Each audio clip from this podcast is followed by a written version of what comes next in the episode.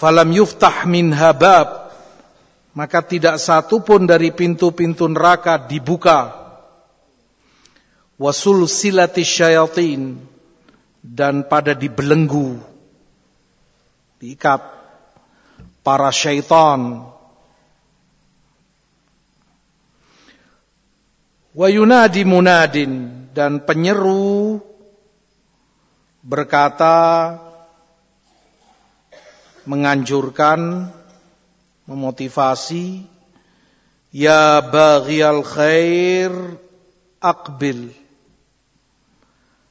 Wahai yang hendak melakukan kebaikan,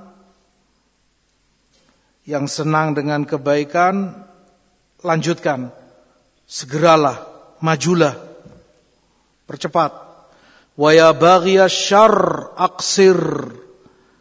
Wahai yang niat mau berbuat jelek, syar, maksiat, dosa, aksir, tahan dirimu. Jangan kamu lakukan itu. Walillah utaqa'u minan nar. Dan Allah memerdekakan hamba-hambanya dari neraka. Membebaskan mereka dari neraka wadzalika fi kulli lailah dan itu setiap malam Ramadan. Setiap malam Ramadan Allah bebaskan hambanya dari api neraka. Makanya disunahkan banyak-banyak memohon doa kepada Allah selalu setiap malam agar dirinya, diri kita masing-masing dijadikan dari utaqa minan nar yang dibebaskan Allah dari neraka. Allahumma ja'alni min utaqaika minan nar. Allahumma a'tik riqabana minan nar atau doa-doa yang semakna dengan itu. Di dalam riwayat juga disebutkan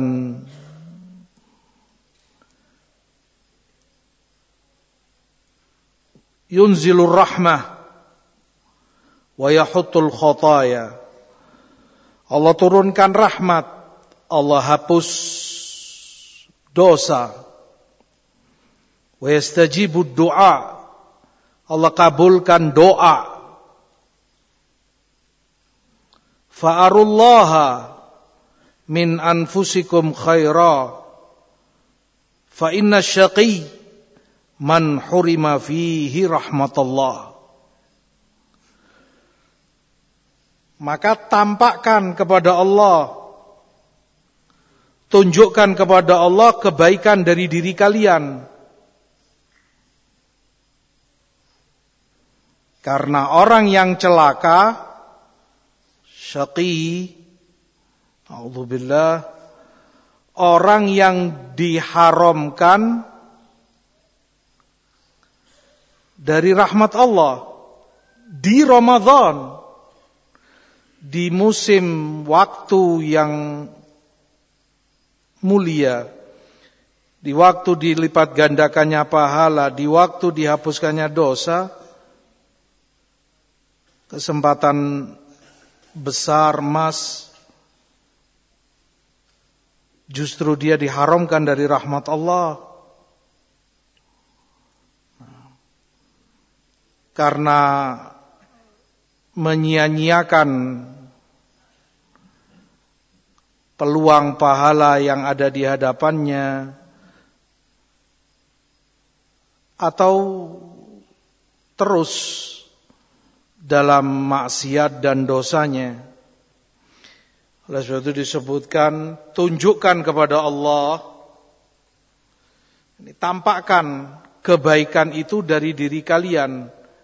Kata Syekh bin Bas, makna tampakkan tunjukkan kepada Allah kebaikan dengan kamu bersegera dalam mengamalkan amalan saleh, khairat, cepat-cepat dalam mengamalkan ketaatan. Menjauhlah sejauh-jauhnya dari berbagai kejelekan dan maksiat. Itu tampakkan. Artinya semangatmu pompa harus lebih dari hari-hari yang sebelum-sebelumnya. Itu yang dinasehatkan pula oleh sahabat Rasul sallallahu alaihi wasallam. Abu Sa'id Al-Khudri atau Anas bin Malik. La taj'al yauma saumik wa yauma fitrika sawa'a. Jangan kamu jadikan sama hari puasamu dengan hari kamu enggak puasa. Ini kalau hari-hari enggak puasa misalnya, ya segitulah level ketaatan dia, semangat dalam ibadahnya segitu-segitu. Kemudian dia masuk Ramadan tetap saja seperti itu. Gak ada nilai plusnya, gak ada istimewanya baginya. Jangan. Bersemangatlah lebih di bulan Ramadan. Hari-hari biasa mungkin dia masih suka canda, guro, guyon, ketawa, ini, itu. Di hari kamu puasa jangan kamu samakan seperti itu. Waliyakun fikum sakinah wal waqar. Kata beliau, jadikan ketika kamu puasa, kamu itu orang yang berwibawa, orang yang tenang. Tenang artinya terlihat kamu orang yang punya wakor, ada wibawanya, ada ketenangannya. Yang biasanya mungkin sebelum itu, ah ini begini begitu. Nah, di bulan puasa, di kala Ramadan harus ada nilai lebih. Jangan samakan dengan hari-hari yang sebelumnya. Oleh karena itu Rasul sebutkan pula فإذا كان يوم صوم أحدكم فلا يرفث ولا يصخب Kalau kamu puasa Jangan kamu berkata-kata rofath Kata-kata rofath Kata-kata yang kurang Sopan Kalimat-kalimat keji Kotor yang seringnya berurusan dengan wanita dan syahwat.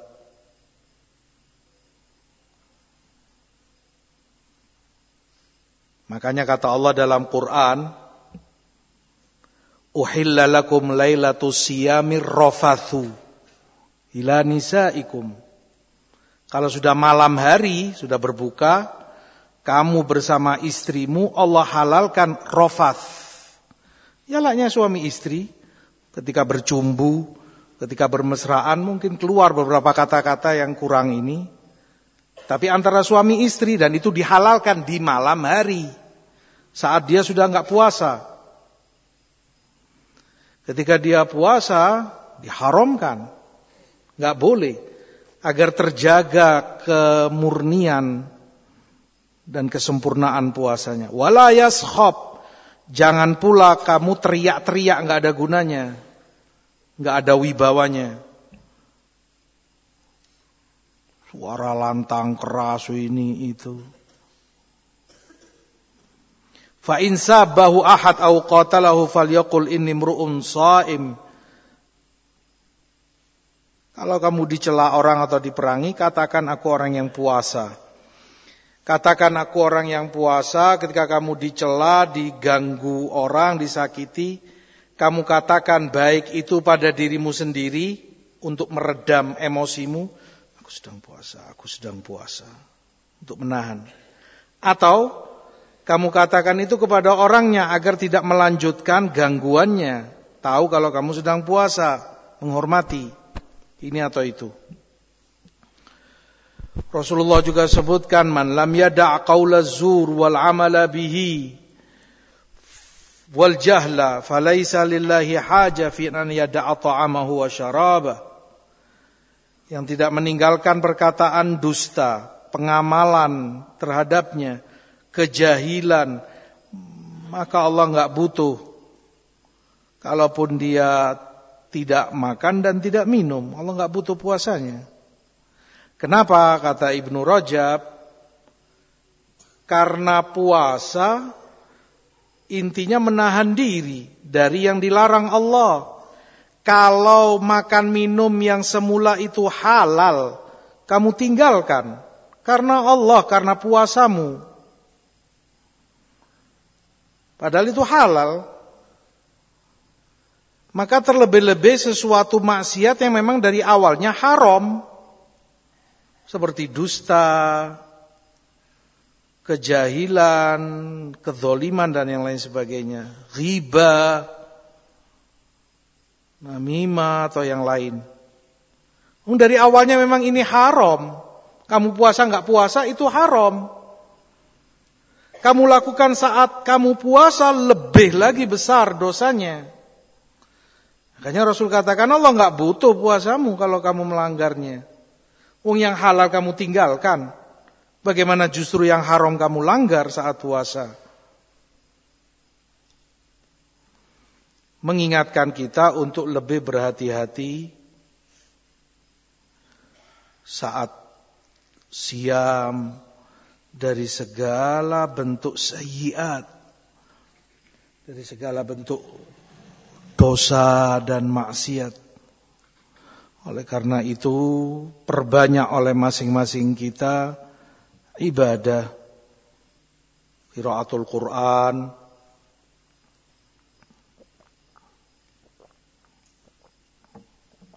siang atau malam hari, setiap huruf digandakan sepuluh kali lipat.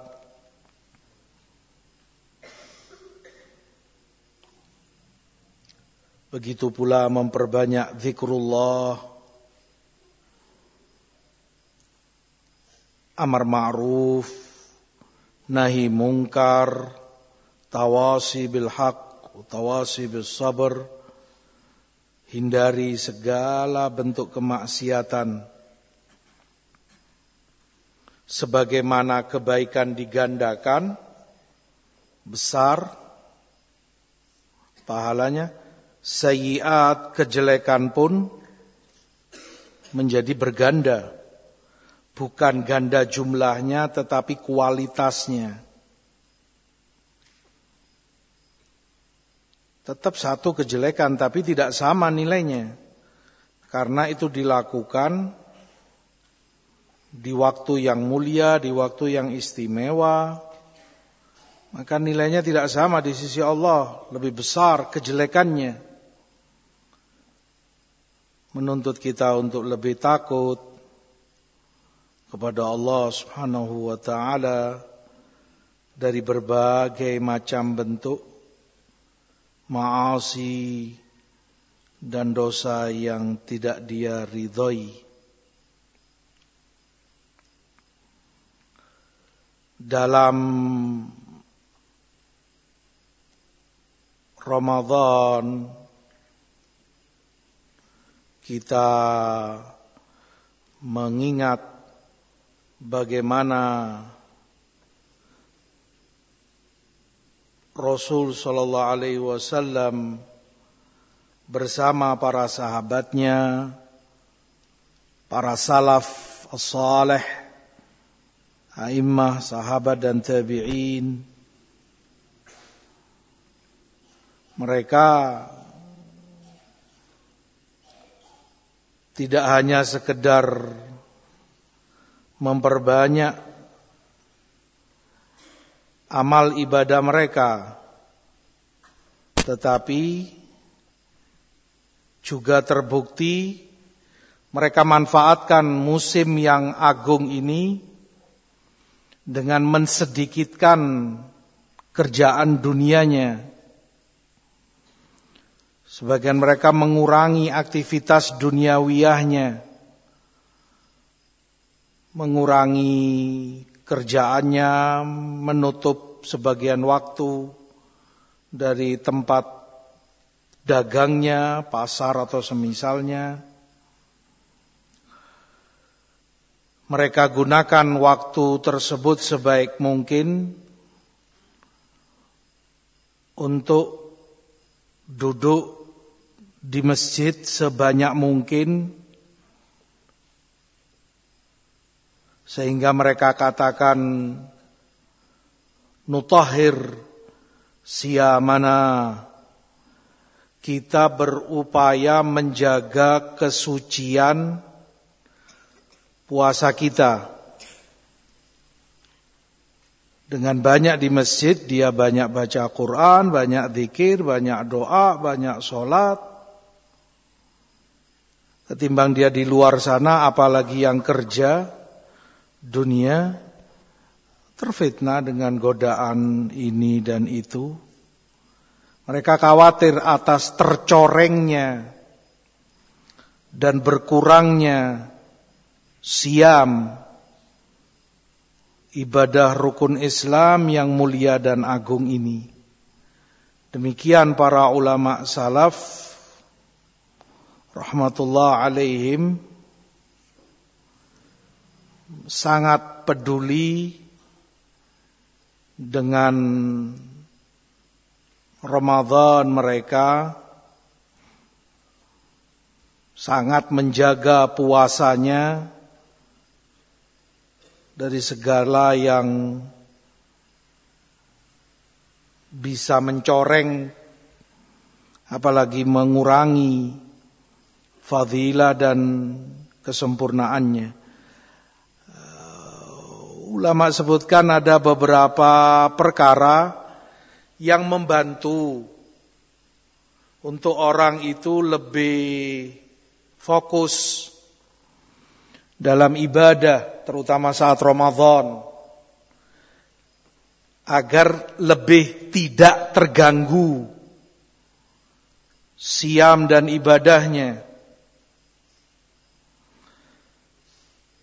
Tiga perkara yang pertama, puasa itu sendiri. Artinya meminimkan makan dan minum. Sebagaimana Rasulullah sebutkan, "Ma mala'a ibnu Adam wi'aan qad syarran min batnih."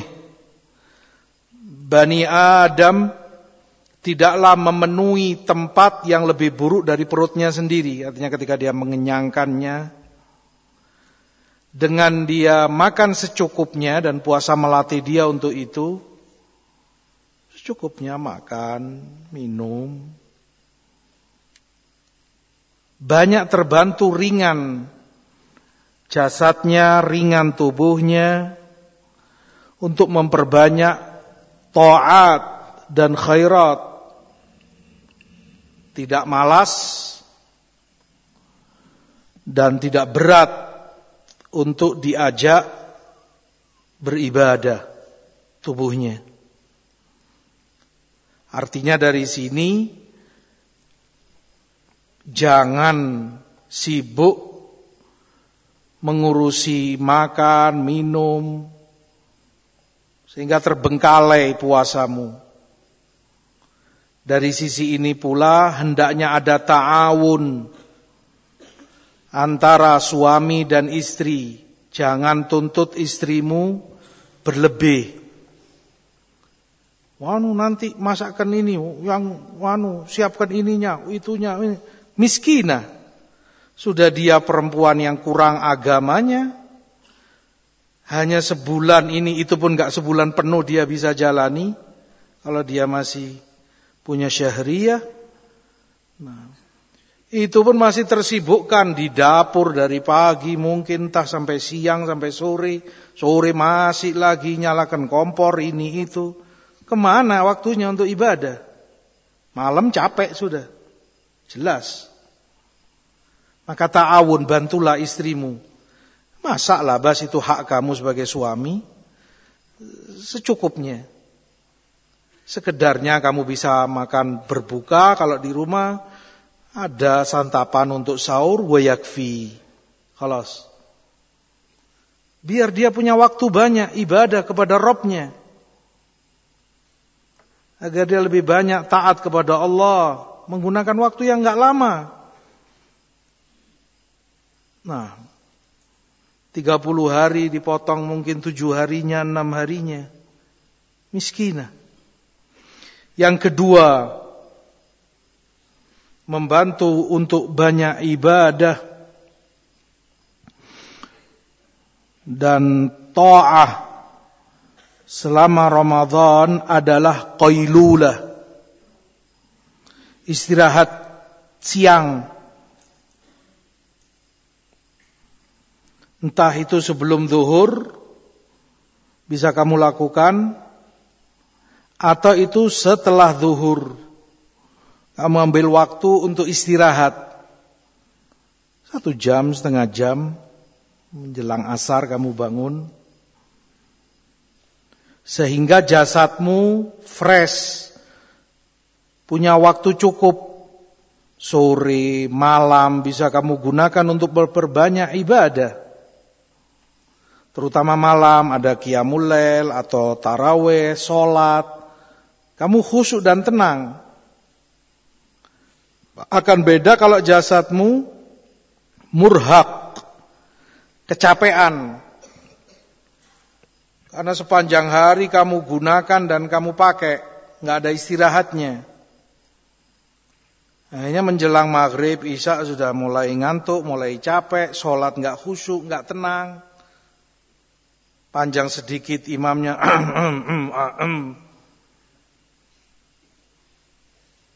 kamu yang salah. Ambil waktumu untuk istirahat di siang, koilulah. Sunnah. Istirahatlah di siang hari. Tergantung kamu bisa mengatur waktunya sebelum atau setelah zuhur. Terlebih di malam hari, waktu yang lebih dianjurkan untuk memperbanyak tilawatul Quran. Berdasarkan hadis nanti yang akan kita sebutkan. Al-Muhim ini istirahat. Ada waktu untuk istirahat di siang hari. Yang ketiga dan ini muhim. Penting. Taklil mukhalatah. Taklil mukhalatah. Minimkan berinteraksi dengan orang. Minimkan berteman dengan temanmu Kholas, yakfi 11 bulan. Kamu dengan temanmu, nggak cukup 11 bulan dalam setahun. Satu bulan ini.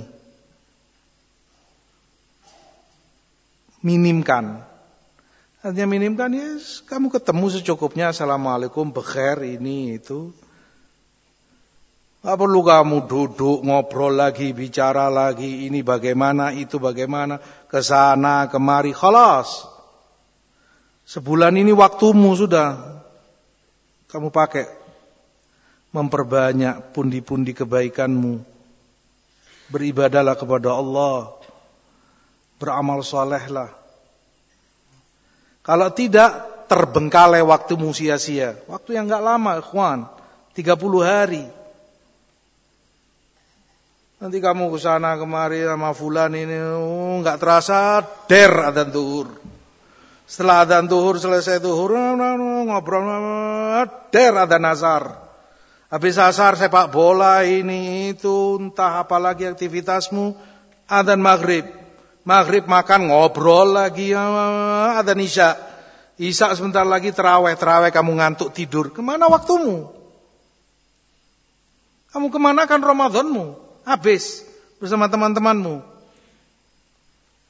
Minimkan pertemanan. Secukupnya. Jangan seperti hari-hari biasanya. Artinya masing-masing sibuk dengan Allah. Sibukkan dirimu dengan Allah, ibadah. Zikirlah sebanyak-banyaknya. Bacalah Quran sebanyak-banyaklah. Doalah sebanyak-banyaknya untukmu, orang tuamu, anakmu. Kebaikan dunia dan akhiratmu. Tiga ini akan banyak membantu kamu meminimkan makan minum, istirahat di siang hari, dan meminimalisir pergaulan, pertemanan. Kalau enggak demikian kamu lihat akan terbengkalai banyak tersia-siakan waktu Ramadanmu. Khawatir, naudzubillah, termasuk asyaqi man hurima fihi rahmatullah yang celaka di Ramadan yang diharamkan dari rahmat Allah padanya. Di waktu baik, di waktu mulia, dia tidak memanfaatkan dan tidak mendapatkan keutamaannya. Wa kama qila anta ya tayyibu idza lam tatib fi tayyibatin biha tabat tayyibatun famata tatibu kamu orang baik, mau berbuat baik. Kalau kamu di tempat baik atau di masa waktu yang baik, tidak juga berubah menjadi lebih baik, kapan kamu mau baik? Kapan kamu mau baik? Di depanmu waktu yang istimewa, waktu yang baik. Juga tidak merubah dirimu, kapan kamu mau jadi baik? Mau kapan? Nunggu apa?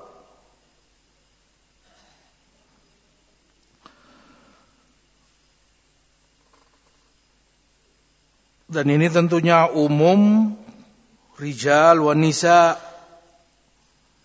kepada ikhwah maupun akhwat semua terutama wanita yang gemar ngobrol, gemar bicara ini itu. Falyattaqillah masing-masing dari kita. Kita tahu siam punya banyak fadilah yang itu tidak dimiliki oleh ibadah lain. Dan masing-masing ibadah, terutama rukun-rukun Islam ini, punya keutamaan yang tidak dimiliki oleh ibadah rukun yang lainnya. Fadlullah yu'ti mayyasha. Salat punya keutamaan tidak dimiliki oleh puasa. Puasa punya keutamaan yang tidak dimiliki oleh zakat, oleh salat sekalipun. Keutamaan-keutamaan besar masing-masingnya. Antara lain di dalam Nasai dari Abu Umama, aku bertanya kepada Rasulullah SAW, murni bi amalin. Ajarkan aku amalan ya Rasulullah. Ini memasukkan aku ke surga. Qala alaika bis saum fa innahu la adla lahu. Banyak-banyak kamu puasa. La adla lahu. Gak ada yang menyaingi puasa. yakni pahalanya. Gak ada ibadah lain yang menyaingi puasa. Qultu ya Rasulullah murni bi amal. Kembali kedua kali Abu Umama sampaikan, ya Rasulullah, ajarkan padaku amalan. Ya, ini mungkin Abu Umama faham, kalau puasa, mafhum ya Rasulullah, insya Allah aku puasa. Tapi beliau ingin amalan yang istimewa, yang dengannya betul-betul agung mengantarkan beliau ke surga. Amalan penting, besar. Kembali Rasul jawab, alaika bisawm. Banyak-banyak kamu puasa. Fa innahu la adla lahu. Enggak ada yang membandinginya. Kultu ya Rasulullah, murni bi amal. Ketiga kali Abu Umama menyampaikan, Wahai Rasulullah, ajarkan padaku amalan. Sampai tiga kali. Ini beliau faham puasa, amalan baik tentunya, amal soleh. Tapi beliau ingin yang lebih dari itu, amalan yang istimewa, yang besar pahalanya, yang dengannya beliau masuk surga. Qala kembali Rasul katakan, alaika bisawum, fa innahu la mithla lahu. Banyak-banyak kamu puasa. Tidak ada yang serupa dengan puasa ini. Ibadah-ibadah lain. Tidak ada yang serupa dengannya. Dari keutamaannya, pahalanya. Di dalam hadis riwayat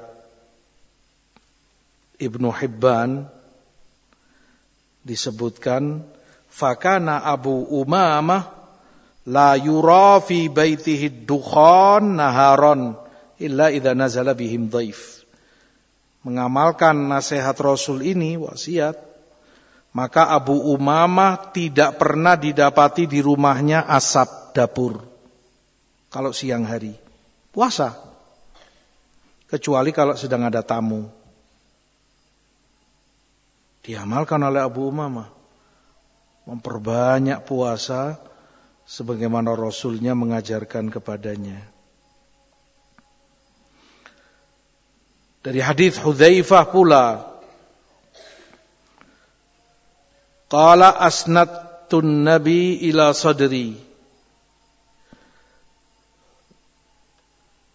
Rasulullah menyandarkan kepalanya di dadaku Faqala kemudian beliau sampaikan, Man qala la ilaha illallah khutima lahu biha dakhalal jannah. Yang mengucapkan la ilaha illallah dan itu penutup hidupnya nasallallahu min fadli. Dia akan masuk surga. Wa man shama yawman ibtigha'a wajhillah khutima lahu bihi dakhalal jannah dan yang puasa sehari saja ikhlas mengharap wajah Allah dengannya dan dia dihatamkan dengan itu amalannya maka dia akan masuk surga. Sehari puasa mengharap wajah Allah kif kalau sebulan. Wa man tasaddaqa bi sadaqatin ibtigha'a wajhillah khutima lahu biha dakhalal jannah dan barang siapa yang bersedekah dengan suatu sedekah mengharap wajah Allah dengannya dan dia dihatamkan dengan itu, maka dia pun akan masuk surga. Hadis diriwayatkan oleh Imam Ahmad dalam musnadnya dan disahihkan oleh Al-Albani rahimahullah. Dari hadis Abdullah bin Umar juga di Ahmad dan Tabrani Rasulullah SAW sebutkan asyam wal Quran yushaffa'an yaumal qiyamah. Puasa dan Quran keduanya menjadi syafaat atau dijadikan syafaat bagi orangnya yang membacanya, yang puasanya. Yaqulu siyam di mana puasa akan berkata di hadapan Allah Ai Rabbi mana'tuhu ta'am wa syahwa fasyafi'ni fi. Ya Allah kata puasa Aku yang mencegah dia dari makannya, dari syahwatnya, Ini karena puasa di siang harinya. Maka jadikan aku syafaat bagi orang ini yang puasa ini. Wa yaqulul Qur'an dan ini tadi yang kita isyaratkan.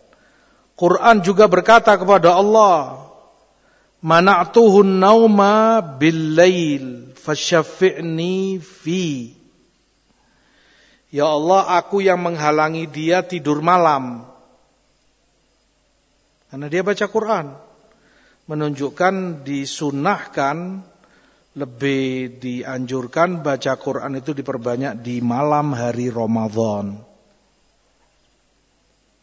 Walaupun kapan pun bagus dan baik dibaca, tapi malam lebih. Makanya kata Quran, Ya Allah aku yang menghalangi dia tidur di malamnya. Maka jadikan aku syafaat untuknya. Qala fayusyaffa'an. Maka kata Rasul keduanya pun dijadikan syafaat oleh Allah diterima. Di sisi lain ini menjelaskan kepada kita hubungan yang begitu erat kuat antara amil wa amalihi. Antara orang mukmin yang beramal dengan amalannya. Ada ikatan. Bukan hanya di dunia sampai akhirat. Ikatan itu masih kuat. Sehingga amalanmu nggak membiarkanmu. Amalanmu yang selama di dunia bersamamu kamu amalkan, bela kamu di hadapan Allah, Quran minta dijadikan syafaat bagimu yang kamu baca. Puasa yang kamu jalani minta dijadikan syafaat untukmu di yaumul qiyamah. Bahkan sebelum itu dikubur. Kalau ini akhirat, dikubur pun demikian. Dalam hadis juga disebutkan bagaimana puasa, zakat, solat, zikir dan iman amalan-amalan ibadah lainnya itu mengelilingi jasad si hamba bersamanya. Sehingga kalau ada gangguan atau siksaan yang mau menghampiri hamba ini dari arah kepalanya, solatnya akan menahan malaka min huna madkhal kamu nggak bisa masuk ke hamba ini dari arah kepalanya. Karena dijaga, dilindungi oleh sholatnya. Nanti kalau siksaan itu mau datang dari arah kakinya, dijaga oleh ininya. Zakatnya nanti dari arah kirinya, sedekahnya, ininya, amalan-amalannya masing-masing. Melindungi dan membela dirinya. Erat kuat hubungan antara seorang amil dengan amalannya. Dalam hadis Muadz bin Jabal Rasulullah SAW juga sebutkan Ala adulluka ala abwabil khair Mau aku tunjukkan kalian pintu-pintu kebaikan Qultu bala ya Rasulullah, kata Mu'ad tentu wahai Rasulullah. Qala as-saumu junnah. Puasa itu perisai. Melindungimu dari azab Allah. Seperti tadi. Membela kamu. Was-sadaqatu tudfi'ul khati'a kama yudfi'ul ma'un nar. Sedekah pun menghapuskan dosa, memadamkan dosa sebagaimana air memadamkan api. Hadis di Tirmidzi dan disahihkan Al-Albani. Oleh karena itu kata Ibnu Rajab dan juga Imam Syafi'i sebelum itu sangat disarankan, sangat dianjurkan selama Ramadan memperbanyak sedekah. Memperbanyak infak dan pemberian yang wajib maupun yang sunnah. Karena masing-masingnya menghapuskan dosa. Menggugurkan dosa. Puasa menggugurkan dosa.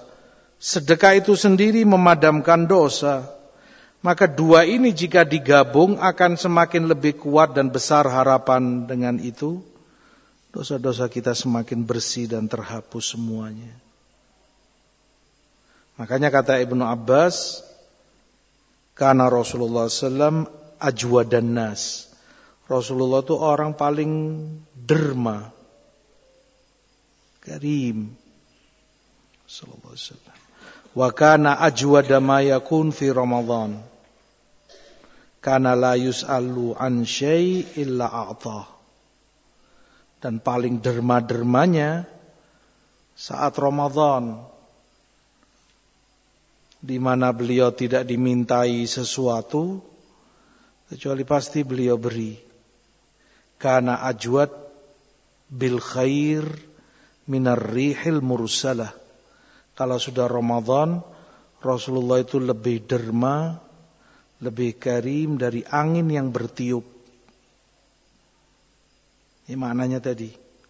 Gak pernah nolak sudah kalau diminta. Kalau Ramadan. Karim. derma. Dan itu toladan bagi kita semua. Derma dengan harta yang Allah berikan kepada kita.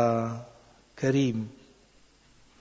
Terlebih seperti kata Ibnu Rajab, orang saat puasa terbatas ruang geraknya.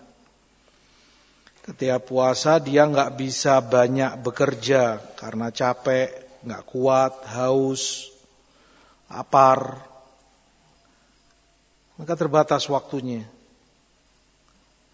Oleh karena itu yang berkemampuan punya harta lebih dianjurkan untuk lebih pemurah menginfakkan, mensedekatkan hartanya kepada terutama mereka yang puasa, baik itu iftar, saim, memberi buka mereka yang puasa, secara umum sedekah, bersedekah dengan hartamu. Tunjukkan kepada Allah kebaikan itu dari diri kalian masing-masing. Dari hadis Abu Hurairah pula di Imam Ahmad dihasankan Albani, as-siyamu junna wa hisnun hasin minan nar. Puasa itu tameng dan benteng yang kokoh melindungimu dari neraka. Juga dalam hadis Abu Hurairah yang ma'ruf Qala Rasulullah qala Allah azza wa jal. Dalam hadis qudsi Allah berkata kullu amali ibni adam lahu illa saum fa innahu li wa ana ajzi bih. Semua amalan ibnu Adam baginya kecuali puasa. Itu untukku, aku yang membalasnya.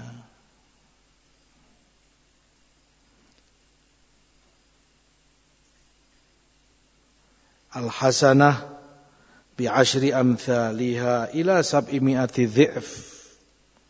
Satu kebaikan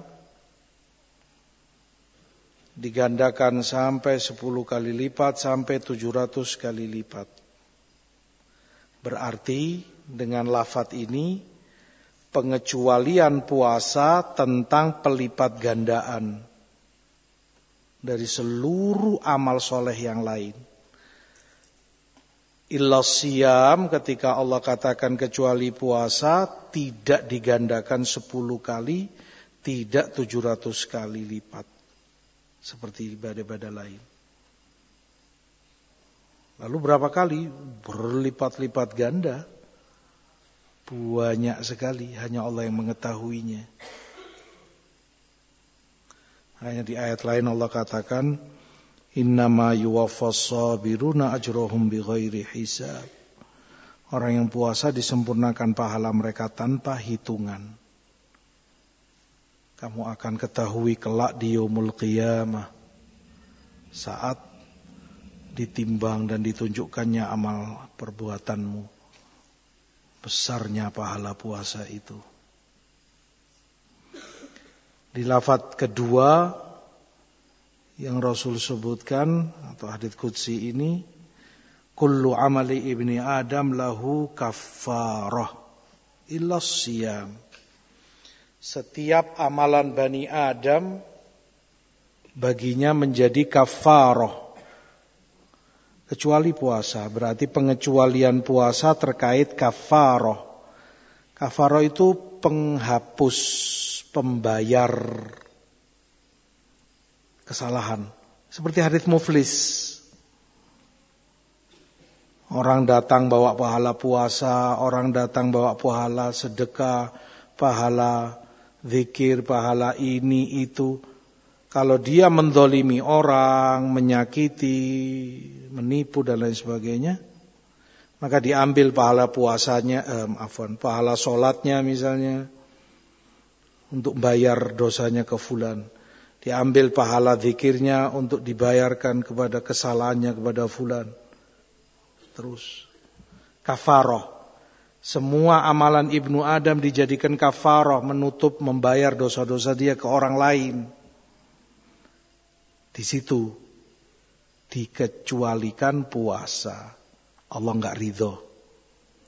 Puasa tidak Allah izinkan untuk kafarah bagi Bani Adam. Tapi itu murni untuk Allah. Hanya untuk Allah semata. Amalan lain bisa untuk kafaroh-kafaroh tadi puasa fa innahu li wa ana ajzibi untuk kumurni dan aku sendiri yang membalasnya. Jelas keutamaan besar bagi siam.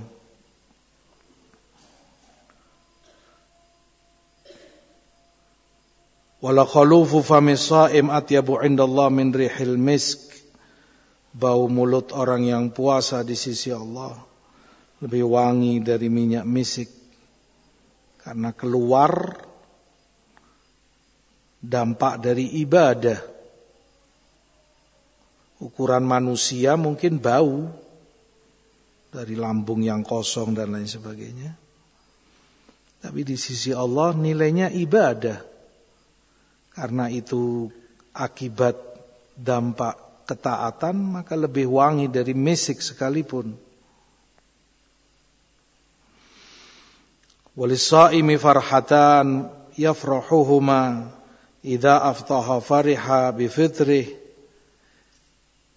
idza aftara fariha bi fitri wa idza laqiya rabbahu fariha bi saumih yang puasa punya dua kebanggaan ketika dia berbuka senang dengan puasanya, dengan berbukanya, dan ketika berjumpa dengan Robnya, dia pun senang dengan puasanya.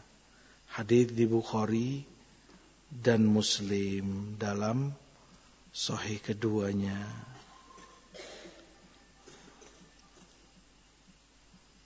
Demikian pula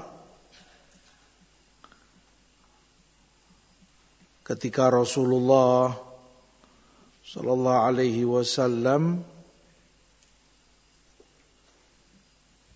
menyebutkan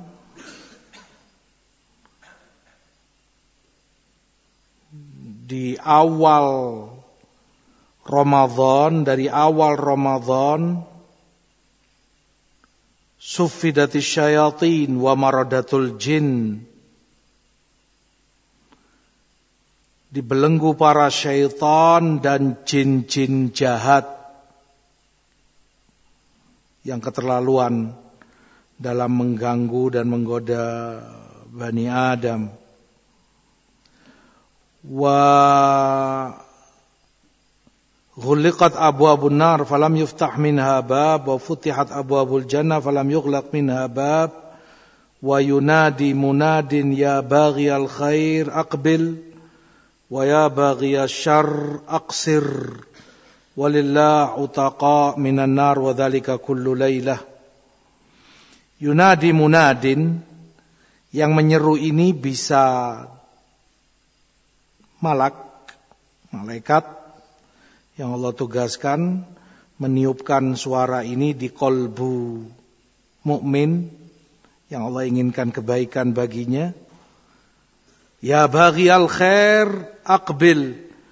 Kalau kamu ingin baik, ingin ibadah, ingin semangat, akbil, lanjutkan, dimotivasi. Ya Allah, semangatlah, kerjakan. Wa ya bagi syar aksir. Dan kamu kalau mau melakukan kejelekan, maksiat, tahan dirimu karena zaman ini atau masa ini masa pengampunan. Masa tobat, masa beramal soleh, masa dilipat gandakannya pahala. Maka jangan kamu rusak dengan kemaksiatan, tahan dirimu. Kalau kamu hendak melakukan kejelekan, bersungguh-sungguhlah, bersemangatlah dalam melakukan amal soleh dalam riwayat Ubadah ibnu Samit di Tabrani